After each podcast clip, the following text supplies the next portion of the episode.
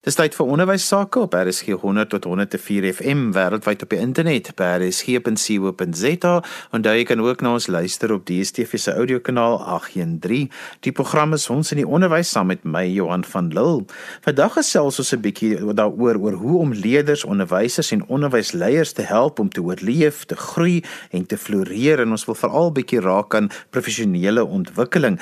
My twee gaste is albei sterk onderwyskundiges, Dr. François Naudé en professor Josef de Beer en professor Josef de Beer is betrokke by die Noordwes Universiteit se eenheid vir selfgerigte leer. Franso, kom ons begin sommer by jou om te floreer, om te oorleef en te groei. Watter rol speel prestasie spesifiek daarin om hierdie dinge te dryf?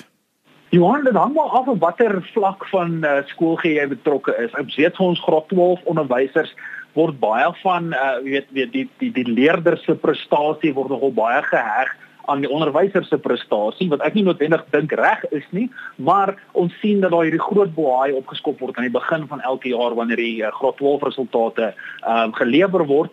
En dan word 'n onderwyser nogal maklik, jy weet, geoordeel op hoeveel onderskeidings jou groep gehad het of wat is die akademiese gemiddeld van die leerders wat nie noodwendig jy weet 'n 'n goeie indikasie is van of of jy as 'n onderwyser die werk gedoen het en of uh, die leerders net baie goed en hard op hulle eie geleer het nie. Maar daai prestasie steeds bly vir 'n onderwyser 'n baie belangrike uh, element um, van hulle beroepstevredenheid.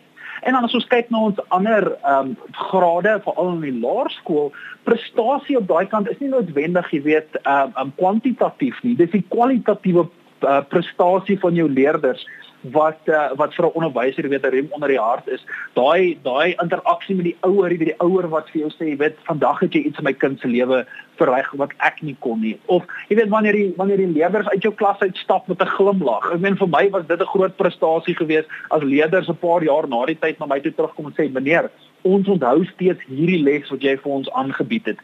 Daai daai is 'n prestasie miskien op 'n kwalitatiewe vlak, um, maar daai terugvoer wat 'n onderwyser kry van hulle van van leerders en van ouers en die gemeenskap beteken vir ons geweldig baie want Josef professionele ontwikkeling of wat ek eintlik wil sê ons het eers daai woord nodig ons kan dit maar net lewenslange leer noem. Dan is dit mos nou dat jy neem die verantwoordelikheid vir jou ontwikkeling. Jy gee vir jou kinders die verantwoordelikheid vir hulle ontwikkeling want die prestasie is nie dit wat dit moet dryf nie. Dit is daai innerlike behoefte van ek wil steeds groei en ontwikkel om te kan floreer. Johan ek stem baie saam met jou. Ek dink uiteraard gaan ons nooit weg kan doen met prestasie nie mens sal graag wil sien dat leerders die leeruitkomste goed bereik en goed presteer natuurlik. Maar ek dink dit gaan jammer wees as as 'n uh, onderwysstelsel in die eerste plek gefokus is op prestasie in terme van om uitkomste te meet want dan dan bestaan die gevaar natuurlik dat afrigting vir 'n eksamen ehm um, die fokus raak en ek dink uh, in groot sektore in Suid-Afrika in die onderwyssektore is dit waarskynlik die geval dat ons so fokus op simultatiewe assessering ehm um, en en om kinders die leerders gereed te kry vir simultatiewe ehm um, assesseringsgeleenthede. En ek dink dan raak die fokus ehm um, so op op ek wil nie sê afrigting nie, maar op op ehm um, prosesse om 'n uh, eh, prestasie te te bevorder eerder as om 21ste eeuse vaardighede te ontwikkel en ek dink selfgerigte leer behoort die sleutel te wees want Johan jy het um, toe hierdie program bekendstel gesê ons wil gaan kyk na hoe kan onderwysers, onderwysleiers en leerders almal floreer. En jy weet mense moet dit sien in 'n 21ste eeuse konteks. En ons weet nie hoe hoe die samelewing gaan lyk oor 10 jaar nie. Ek dink um, COVID-19 het die hele land, wel die hele wêreld ontkant gevang. Baie mense moet skielik leer hoe om vervlegte leer effektief te gebruik in 'n onderrigleer situasie. En oor 10 jaar gaan daar weer nuwe uitdagings wees. En as ons selfgerigte leer bevorder by ons onderwysers en by ons leerders, by ons kinders, dan gaan ons vir die die kinders die die gereedskap gee om wat ook al ehm um, die die die samelewing ehm um, vir ons inhou ehm um, daarmee te kan kan uh, cope En ehm um, daarom dink ek selfgerigte leer is absoluut essensieel in die komplekse tye waarin ons lewe. En uh dit beteken nie dat prestasie onbelangrik is nie. Dit beteken net die fokus moet nie net wees op ehm um, assessering nie. Die fokus moet werklik wees dat selfs assessering gebruik word om leer en ehm um, leer te bevorder. En ek dink as ons by die punt kan kom waar selfgerigte leer die fondasie vorm van onderrig en leer, dink ek um, is ons op 'n goeie plek want dan dink ek regtig ehm um, gaan ons ehm um, kan kan ehm um, maak dat dat leerders in 'n komplekse samelewing kan floreer.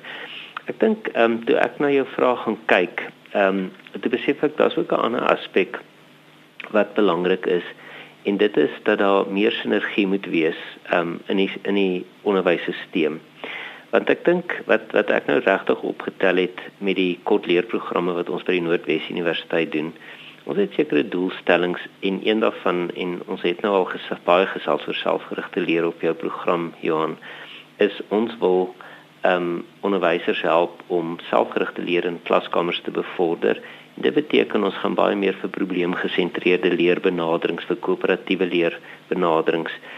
Maar as onderwysleiers of byvoorbeeld die onderwysdepartement so eh, skerp fokus het op prestasie ten koste van die ontwikkeling van vaardighede, dan veroorsaak dit spanning onder onderwysers want want hulle kom na hierdie kort leerprogramme met groot entoesiasme terug na die klaskamer toe.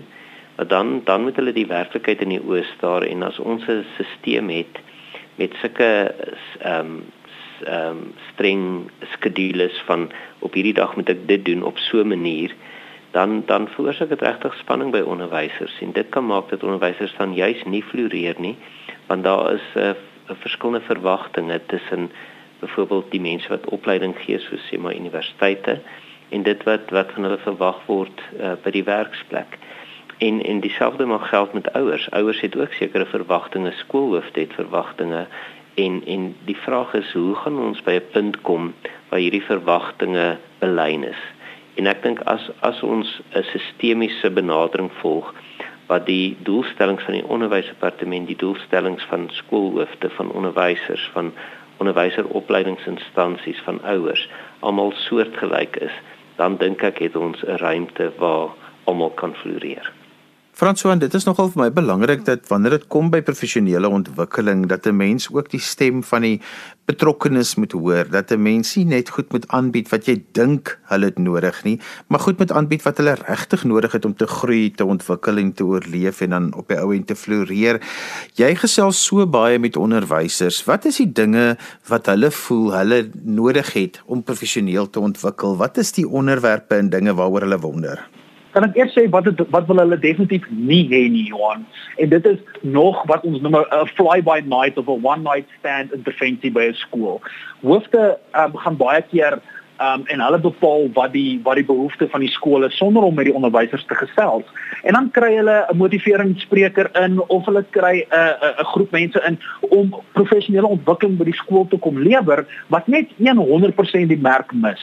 Hulle kom staan in die personeelkamer en die tipiese goed wat ons vir die onderwysers sê om nie te doen nie. Jy weet, moenie 'n 'n 'n 'n lektor wees nie. Kan ons bietjie meer leerdergerigte klasse aanbied?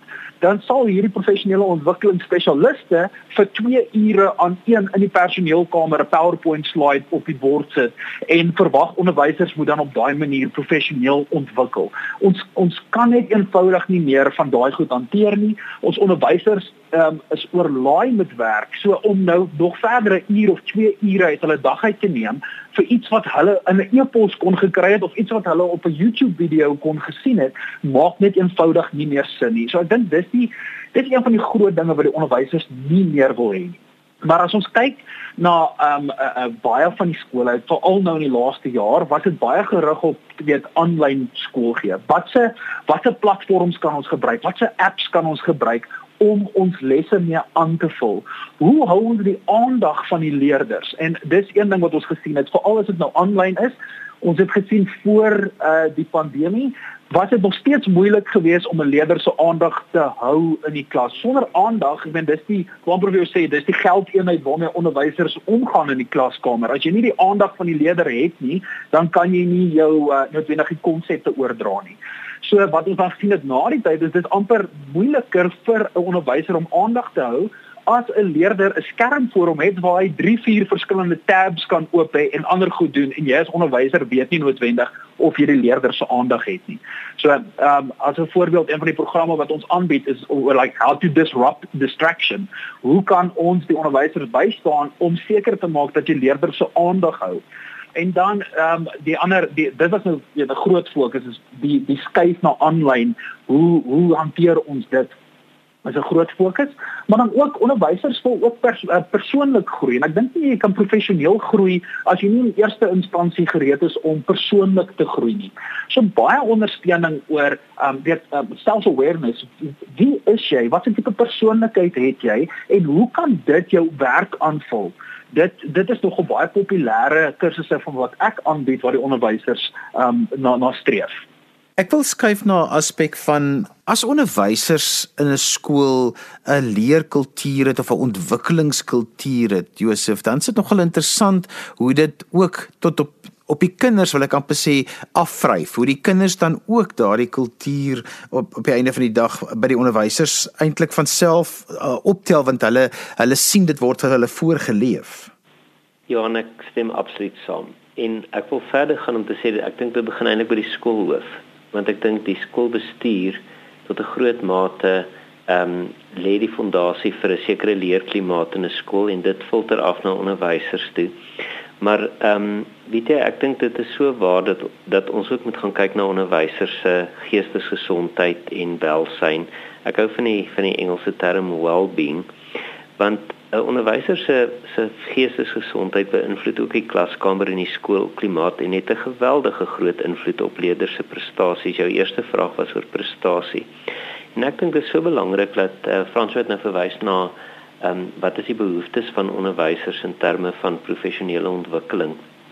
En ek dink jy moet ook gaan kyk na hoe gaan mens hierdie hierdie ehm um, welsyn uh, of geestesgesondheid van onderwysers kan aanspreek.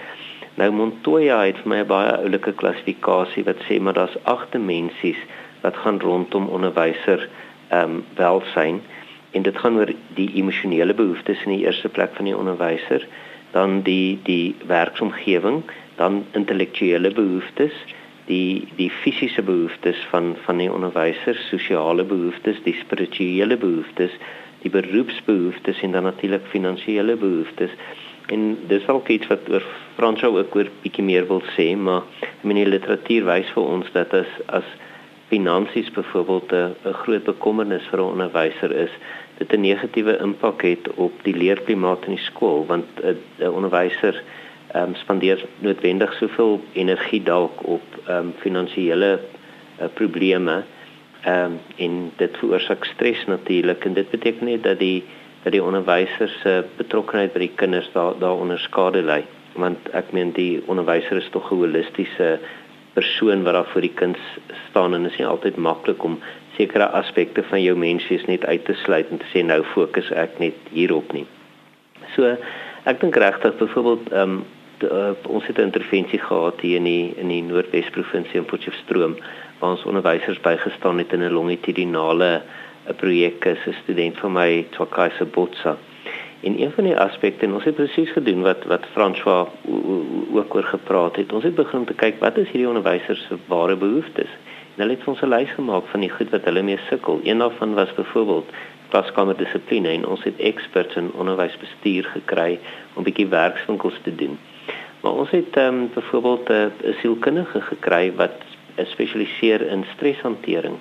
En een van die praktiese sessies wat ons met die onderwysers gedoen het is wat kan ek prakties doen om my stresvlakke af te bring? Ehm um, hoe kan ek leer om te ontspan en net te mediteer?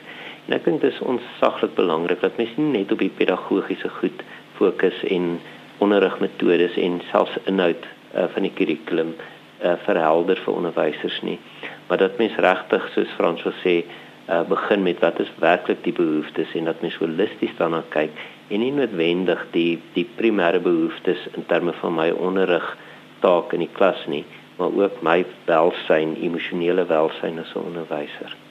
Franso want dit waarna Josef nou verwys is meestal waaroor jy met onderwysers gesels want hulle kom selde na jou toe oor watter pedagogie of watter metodiek of watter uh, kurrikulum ding wat hulle nou moet hanteer. Hulle kom juis oor hierdie behoeftes na jou toe. Dis dis absoluut reg. Ehm um, ons het uh, wat ons noem die Teach Like a Superhero Mastermind wat 'n groep onderwysers is wat op 'n gereelde basis weet daagliks is ons in kontak met mekaar waar ons oor hierdie juis hierdie aspekte gesels. Eerstens op 'n persoonlike vlak, wat is my wat is wat ons noem victory conditions? Uh wat is my doelwit? Hoe weet ek dat ek wen as 'n onderwyser? Jy weet ons is so geneig om doelwitte vir onsself te stel, maar dit dit pas nie in by 'n groter prentjie of 'n groter uh, purpose vir onsself nie. Dat ons net weet goed doen en ons beweeg vorentoe, maar ons beweeg nie na iets toe nie. Nou daai daai tipe ondersteuning is wat onderwysers geweldig na my toe mee kom en ons hulle dan bystaan met die vaardighede om eerstens jou eie persoonlike doelwitte gereed te stel en dan te kyk hoe dit inpas by jou loopbaansdoelwitte maar dan ook wat jy nodig het in jou loopbaan om 'n uh, uh, uh, uh, wat ons noem 'n super onie te kan wees. Nou wat uh, Josef daar genoem het die verskillende aspekte van uh, van wat 'n onderwyser nodig het om te voel dat hulle 'n beduidende verskil in die samelewing maak. As jy nie amper sê soos op op Maslow se hierarchy of needs, as jy nie aan die basis van daai ehm um, voldoen nie, gaan jy nie by die die die einddoel uitkom nie. So om 'n onderwyser te ondersteun, help nie om professionele ontwikkeling te doen een keer elke 6 maande by 'n skool nie, maar dat ons op 'n meer gereelde basis toegang het en dat elke persoon self weet 'n paadjie uitkerf vir die ontwikkeling wat hulle graag sou wil um, wil loop. Josef van daar's 'n ander aspek wat ook vir my belangrik is. Baie van hierdie professionele ontwikkelingsprogramme wat aangebied word, is so 'n one size fits all tipe van benadering, terwyl 'n mens se professionele ontwikkelingsbehoeftes is darem baie anders in die begin van jou loopbaan, in die middel van jou loopbaan en dan later in jou loopbaan. Ja, dit is so waar. Ehm um, ons sien dit met met die professionele ontwikkelingsprogramme wat ons doen. Ehm um, ons het so maand of wat gelede hier in die Noordwes provinsie 'n naweek 'n retreat vir onderwysers gedoen. En ons het daar gesit met 'n persoon wat oor 'n jaar op pensioen gaan, soveel ervaring het en dan het ons met jongelinge uh, gesit onderwysers wat uh, die afgelope 3 jaar eers begin het met hulle onderwysloopbaan. En dit vra nogal vaardigheid om dan werklik ehm um, maksimaal te verseker dat almal daar weggaan met die wete van ek voel professioneel uh, verryk. Ek voel uh, dit was 'n goeie professionele ontwikkelingsprogram. Ehm um, en ek dink uh, wat wat wat ek geleer het is dis waar koöperatiewe leer 'n geweldige groot rol speel. En as 'n mens ehm um, hierdie professionele ontwikkelingsprogramme doen op 'n manier waar ehm um, dit ehm um, regtig rondom 'n 'n die Engelse term is 'n ill-structured problem is. Met ander woorde, jy gebruik 'n probleemgesentreerde benadering en dan fokus 'n mens op 'n bepaalde aspek ehm um, wat belangrik is vir onderwysers. Dalk dit kan wees ehm um, hoe ek professioneel uh, by dissipline beter hanteer in my klaskamer. En in koöperatiewe leerverband is dit ongelooflik om te sien hoe almal 'n bydrae kan lewer of jy nou minder ervaring het ehm um, of meer ervaring het. Ek meen as jy meer ervaring het, kan jy uit die uit die wysheid ehm um, die die ehm um, rykdom van van jou wysheid wat jy oor jare opgetel het ehm um, deel. Maar maar ehm um, die jong onderwysers dikwels het het baie sterk konseptuele raamwerke wat wat wat vars is omdat dit deel van hulle voorgraadse onderwyseropleiding was en kom wonder dikwels met wonderlike nuwe idees vorendag En en binne so 'n gemeenskap van praktyk is dit ongelooflik hoe almal by mekaar leer en ek dink dit is nou nogal vir my 'n uh, 'n belangrike ding. En dan ek stem so saam met wat jy sê Johan, um, ek dink onderwyseropleiding behoort gebou te wees op selfgerigte leerbeginsels. En dat mens regtig seker maak dat as mens begin met hierdie uh, intervensie dat jy begin met die onderwyser, elke onderwyser wat individueel leerdoelwitte vir hom of haar stel en dat jy as fasiliteerder bloot probeer om hierdie proses te medieer of te fasiliteer. En dan word help die persoon om geskikte bronne te kry, maar die persoon nog steeds die die primêre eienaarskap hiervan vat. En en dan moet hierdie persoon sy eie leer monitor en sy of haar leer. En natuurlik 'n belangrike ding wat ons besef het wat ons uh, aksentueer in hierdie ontwikkelingsprogramme is kritiese refleksie. Ek dink omdat onderwysers so besig is en daar's net soveel uh, verantwoordelikhede en soveel uh, eise wat aan hulle gestel word. Na skool is dit buitemuurse aktiwiteite kom kom by die huis hulle is gesinsmense hulle moet dan 'n bietjie tyd uh, uh, aan die gesin afstaan. En dan laat aand is dit voorberei vir môre se klasse. En die een ding wat skade lei is kritiese refleksie. So ehm um, dis ook 'n aspek wat ons besef het so belangrik is. En dis natuurlik waar die die ehm um, ek dink jonger onderwysers ehm um, dikwels uh, vir die uh, vir die meer ehm um, ervare onderwysers kan help want Ek dink ehm um, toe ek byvoorbeeld onderwys uh, gestudeer het, was kritiese refleksie nie deel van ons kurrikulum nie en deesdae is dit. Ander woorde wat ek sê is die oues ouer onderwysers kan ook by die jongelinge leer, is nie net noodwendig altyd andersom nie. Ehm um, so ek dink 'n uh, mens moet baie uh, fleksibel wees, baie buigsaam in hierdie professionele ontwikkelingsprogramme maar ek dink die oomblikke selfgerigte leer die basisvorm van hierdie professionele ontwikkelingsprogramme ehm um, dink ek uh, kom daar goeie uitkomste. Frans Wickel vir jou nog 'n geleentheid gee om aan te sluit by Josef. Ek dink Josef slaan die uh, die die die spyker op die kop dat ons nie weet wie die one size fits all professionele ontwikkeling vir 'n onderwyser amper vooraf moet besluit en sê die die volledige personeel gaan die volgende ontwikkeling doen. As ons begroting kan beskikbaar maak, wat ek dink dis die ander uitdaging, is kostes omtrent professionele ontwikkeling wat onderwysers baie keer uit hulle eie sak uit moet betaal. Maar as daar begroting beskikbaar gemaak kan word waar elke onderwyser uh, kan besluit watse tipe professionele ontwikkeling hulle graag aandeel wil wees en dan vir hulle self 'n paadjie uitkerf in uh, die tradisie van selfgerigte leer.